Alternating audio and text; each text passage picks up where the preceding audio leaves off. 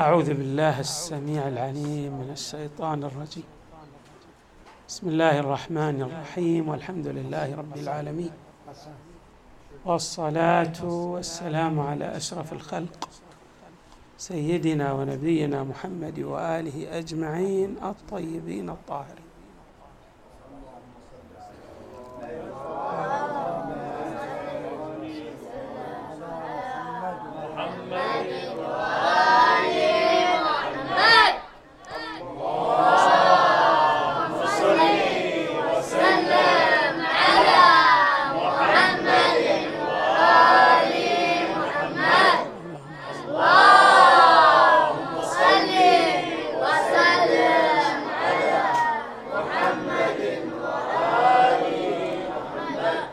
قال الله تبارك وتعالى في القرآن الكريم والعصر إن الإنسان لفي خسر إلا الذين آمنوا وعملوا الصالحات وتواصوا بالحق وتواصوا بالصبر.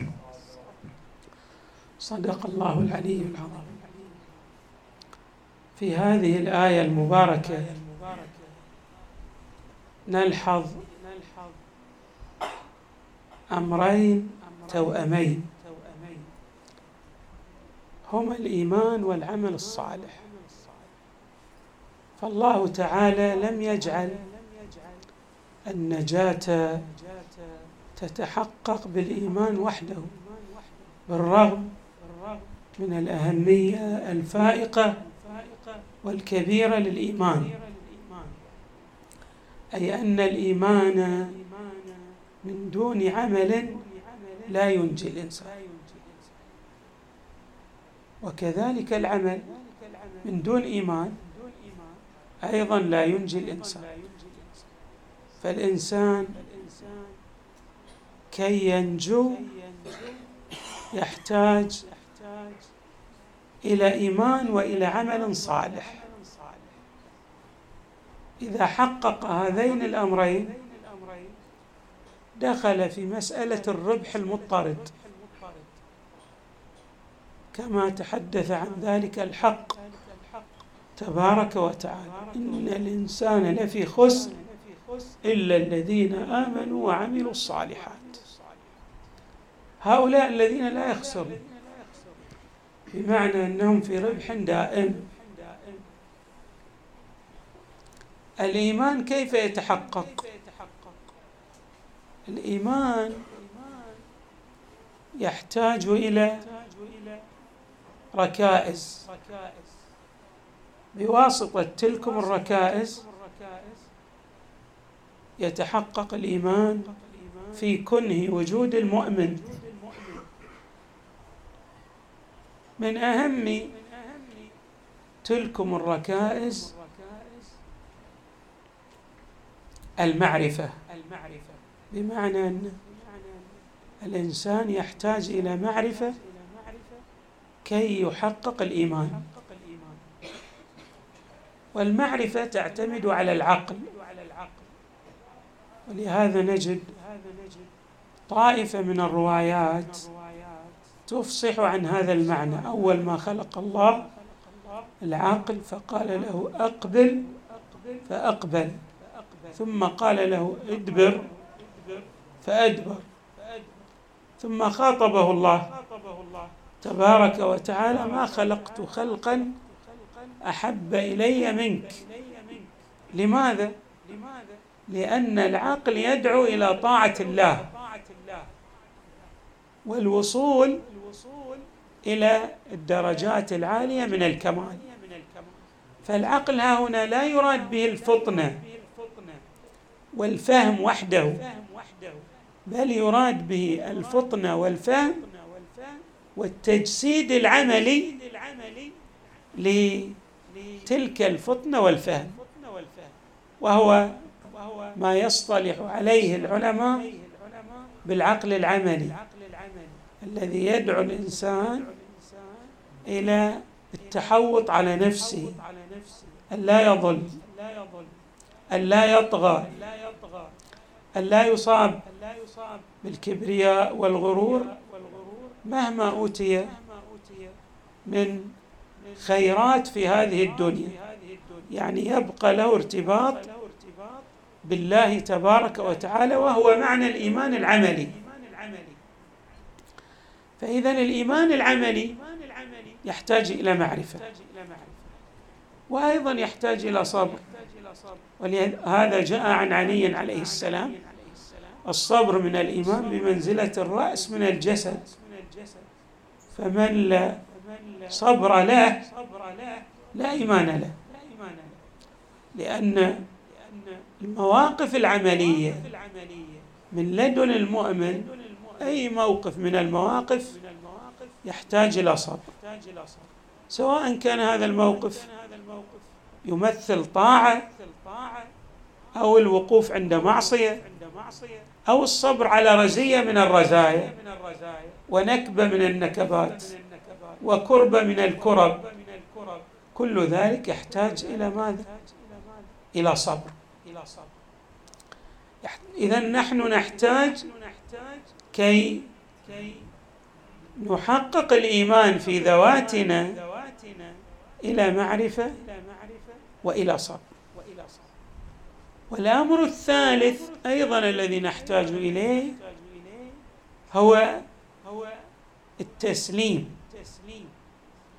بمعنى أن الإنسان لا يكفي أن يؤمن دون أن يسلم رغم أن إيمانه يحتاج إلى معرفة وعقل ولكن للعقل محدودية. العقل يوجد لك الأرضية الأولى التي عليها يبتني الإيمان. اصطلاحنا الحديث القواعد يعني البيسك. فيما بعد لا الإيمان لا يمكن أن تقول لكل مفرده من مفردات الإيمان أنك تحتاج إلى معرفة لأسرار تلكم المفردة لأن العقل غير قادر على الغوص في فهم مفردات الإيمان الغيبية. ولهذا جاء قوله تعالى ألف لام ميم ذلك الكتاب لا ريب فيه هدى للمتقين. من هم المتقون؟ الذين يؤمنون بالغيب.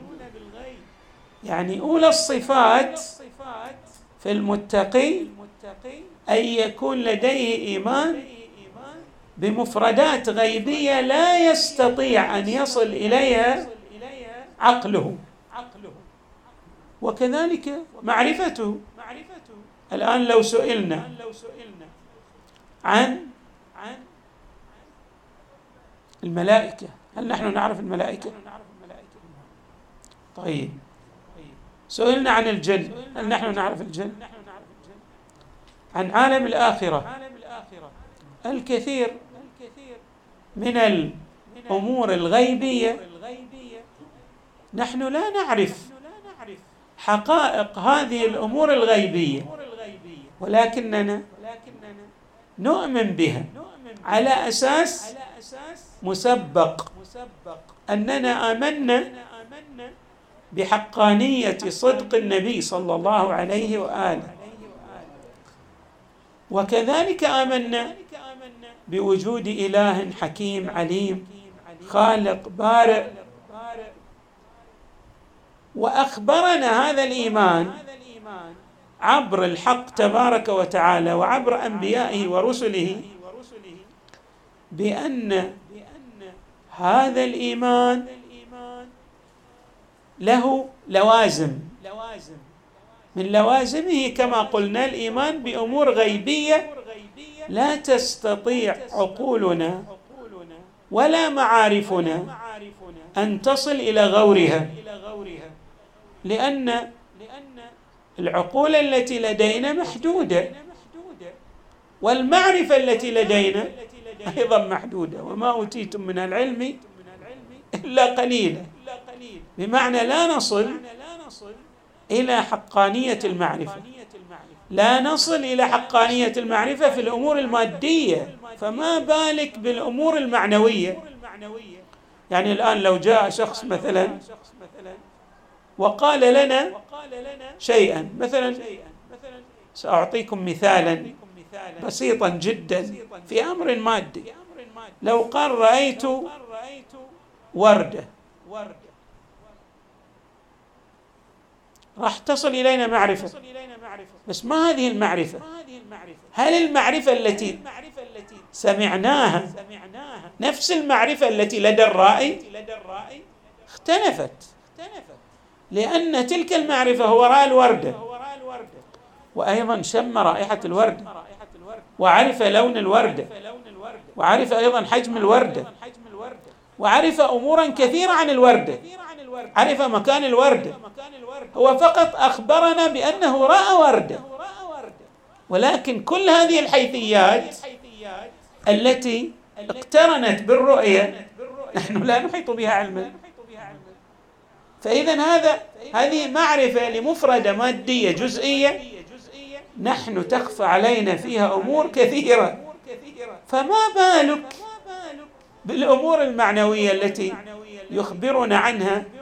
الحق تبارك وتعالى. ولذلك نعيم الجنة جاء في الروايات مثلا فيها النعيم الكذائي والكذائي والكذائي لكن أيوه فيما بعد يأتيك تأتيك الرواية. تقول لك فيها ما لا عين رأت ولا أذن سمعت ولا خطر على خيال بشر حتى الخيال أيضا لا يستطيع أن يصل إلى غور تلك المعرفة المربوطة بعوالم الغيب في عالم الآخرة. فإذا نحتاج إلى إيمان. الإيمان يحتاج إلى تسليم. والتسليم له أهمية فائقة في ترسيخ عرى الإيمان وقواعد الإيمان في كنه وجود المؤمن والمؤمن إذا تجرد عن الإيمان المقترن بالتسليم بدأ إيمانه ينسلخ منه شيئا فشيئا. هذا الإيمان لن يستقر في حقيقة نفسه وفي كنه وجوده. لأن الإيمان يرتبط كما قلنا بمجموعة من الركائز.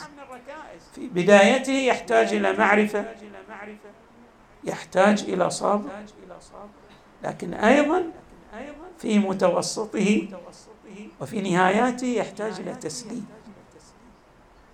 إذا الإنسان افتقد التسليم سينسلخ من إيمانه شيئا فشيئا. الإيمان أيضا يتطلب من لدن المؤمن عمل. ما يكفي أن يكون الإيمان نظريا.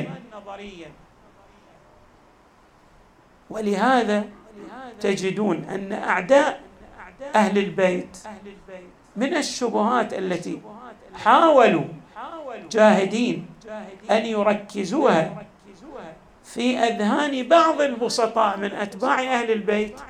أن حب أهل البيت يكفي دون العمل الصالح. فجعلوا هذه الشبهة ماذا؟ راسخة في الحقيقة.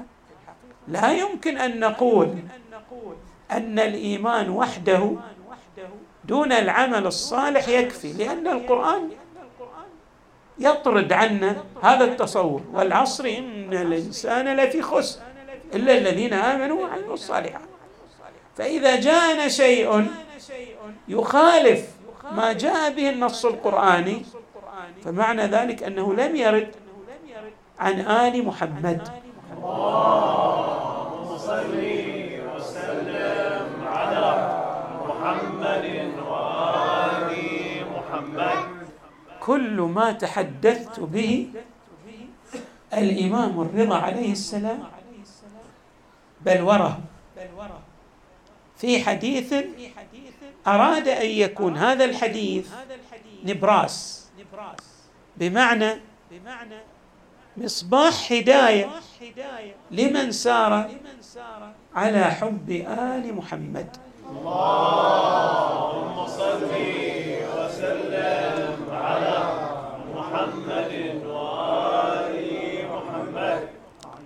اسمعوا ما يقول إمامنا الرضا عليه السلام. يقول عليه السلام لا تدعوا العمل الصالح والإجتهاد في العبادة اتكالا على حب آل محمد. وتقول والله أنا تشوفون الآن بعض الأشخاص من الدول المجاورة لنا لا نريد أن نصاب. إنما يتحدث يقول أنا خلاص أنا أحب الحسين ولا أحتاج لا أصلي لا أصوم. هذا في الحقيقة يبعدك عن أهل البيت عليهم السلام. أصلا الإمام الصادق يقول اعرفوا شيعتنا عند مواقيت الصلاة. فأنت لا تعرف بكونك من أتباع أهل البيت إلا بالمحافظة الدقيقة على أوقات صلواتك. فكيف تقول إنك بحبك للحسين تكتفي وتترك الصلاة والصوم؟ هذا هراء يتنافى مع ما جاء من أحاديث صحيحة الأسانيد واضحة في دلالتها عنهم صلوات الله وسلامه عليه. لا تدعوا العمل الصالح والاجتهاد في العبادة اتكالا على حب آل محمد. اللهم صل وسلم على محمد وآل محمد شوف التعبير الدقيق بعد. ولا تدعوا حب آل محمد والتسليم لأمرهم اتكالا على العبادة فإنه لا يقبل أحدهما دون الآخر. ما يمكن. الآن راح نسلط الضوء. يعني ضوءا خافت لا يقبل أحدهما دون الآخر. الله تبارك وتعالى يريد أن يطاع من حيث أمر. الله أمرك أن تطيع أن تصلي أن تصوم أن تزكي أن تحج أن تحسن إلى الناس. وهناك أوامر مثلت مواثيق أخذت على جميع أتباع الأنبياء والرسل. كالإحسان إلى الناس. الصدق أن تكون مع الصادقين. يا أيها الذين آمنوا اتقوا الله وكونوا مع الصادقين. هذه مواثيق أخذت على جميع أمم الأنبياء والرسل. من قبلنا وإيانا أيضا. طيب. إذا قال الإنسان يكفيني حبهم. أنا أحب رسول الله صلى الله عليه وآله وأهل البيت عليهم السلام. دون أعمل؟ قلنا لا يفيد. لا يفيد. لو قال أعمل ولكني لا أحب عليا وأهل البيت. وهذا موجود. قسم من الناس يقول لك أنا لا يعني نفسي لا تطيعني في حب أهل البيت. وحتى هناك الآن يعني لا نقول من أتباع أهل البيت من الذين يعني يتنكبون جادة الصواب ويسيرون في الاتجاه المعاكس. ولا يميلون إلى آل محمد صلوات الله وسلامه عليه هؤلاء يظهرون بشكل واضح يقول لك يعني يعني يتحدث عن خفض مقامات أهل البيت ويرى أن أهل البيت ليس فقط لا حجية لأقوالهم بل أنهم أقل مستوى من غيرهم. يصرحون. ارجعوا إلى بعض الفيديوهات. راح ترون أنهم يقدمون غيرهم عليهم ويرون أن غيرهم لا يقول أنه يساويهم. يقول أن غيرهم أفضل منهم بآلاف المرات. يصرح. آلاف المرات لاحظ. لا يقول أن يعني يترك آيات القرآن الكريم ويريد أن أن يسير في الاتجاه المعاكس. طيب هذا يصلي أيضا ويصوم. وقد يحفظ القرآن كاملا وبطريقة مجودة. ولكن كل ذلك لا يفيده شيئا. لماذا؟ لأن الله تبارك وتعالى كما أشرنا يريد أن يطاع من حيث أمر. لو أنك أتيت بأعمال الثقلين. ولكن ليس في الصراط السوي. الذي يريده الله الله لا يقبل لك عملا. ما يقبل. الآن نعطي مثالا واضحا جاءت به الروايات. الله أمر إبليس أن يسجد لآدم. قال له بس اسجد لآدم. قال له لا أنا اعفني عن هذه السجدة وراح أعبدك عبادة لا يعبدك أحد بمثل هذه العبادة. أنا راح أكون لك عابدا بس. هل مورد هذا؟ لا أريد قال له الله ما هو هذا مو بكيفك. أنت المشرع أنت الخالق أو أنا الخالق؟ قال له لا أنت الخالق. قال له إذا أطعني قال له لا عاد ما أقدر أطيعك أنا. أبغي أعمل في هالمفردة بهواي. وفق ما تشتهي نفسي إبليس. فأنا أفضل من آدم. أنا جنس لطيف. النار يسميها العلماء جنس لطيف. يعني مجرد من المادة. وآدم جنس كثيف. يعني يقترن بالمادة. والجنس اللطيف قدراته أكبر كما ترون. يعني دائما الملائكة لهم قدرات أكثر من الإنسان لأنه يقترن بعالم مادة. الجنس اللطيف أكثر مكنة واقتدارا من الجنس الكثيف. عنده هالمقايسة هذه فأبى أن يسجد لآدم. طيب ليش الله ما رضى له؟ قال له ما يخالف إحنا عفيناك عن السجد لآدم ما دمت تعبدنا بعبادة طويلة وجميلة وفيها إخلاص لنا. راح نقبل من كذلك الله ما قبل. طيب. هل أن الله ما قبل لأن الله ليس بحكيم أو حكيم؟ حكيم. الله لما أمر بمودة أهل البيت عليهم السلام قل لا أسألكم عليه أجرا إلا المودة في القربة المودة هي حب مع تطبيق عملي. لو جاء شخص قال أنا لا أريد منهج أهل البيت ولكن عندي استعداد. أن أحفظ جميع ما جاء من الصحف التي أنزلت على جميع الأنبياء وأرتل ذلك ترتيلا وأجود باصطلاحنا أنا مثل محمد رفعت أو مثل شنو؟ دليل لا المنشاوي. عبد الباسط مو بهالمستوى. ممتاز في الصوت بس مو بهالمستوى. لاحظنا الله يقول لنا نقبل منك.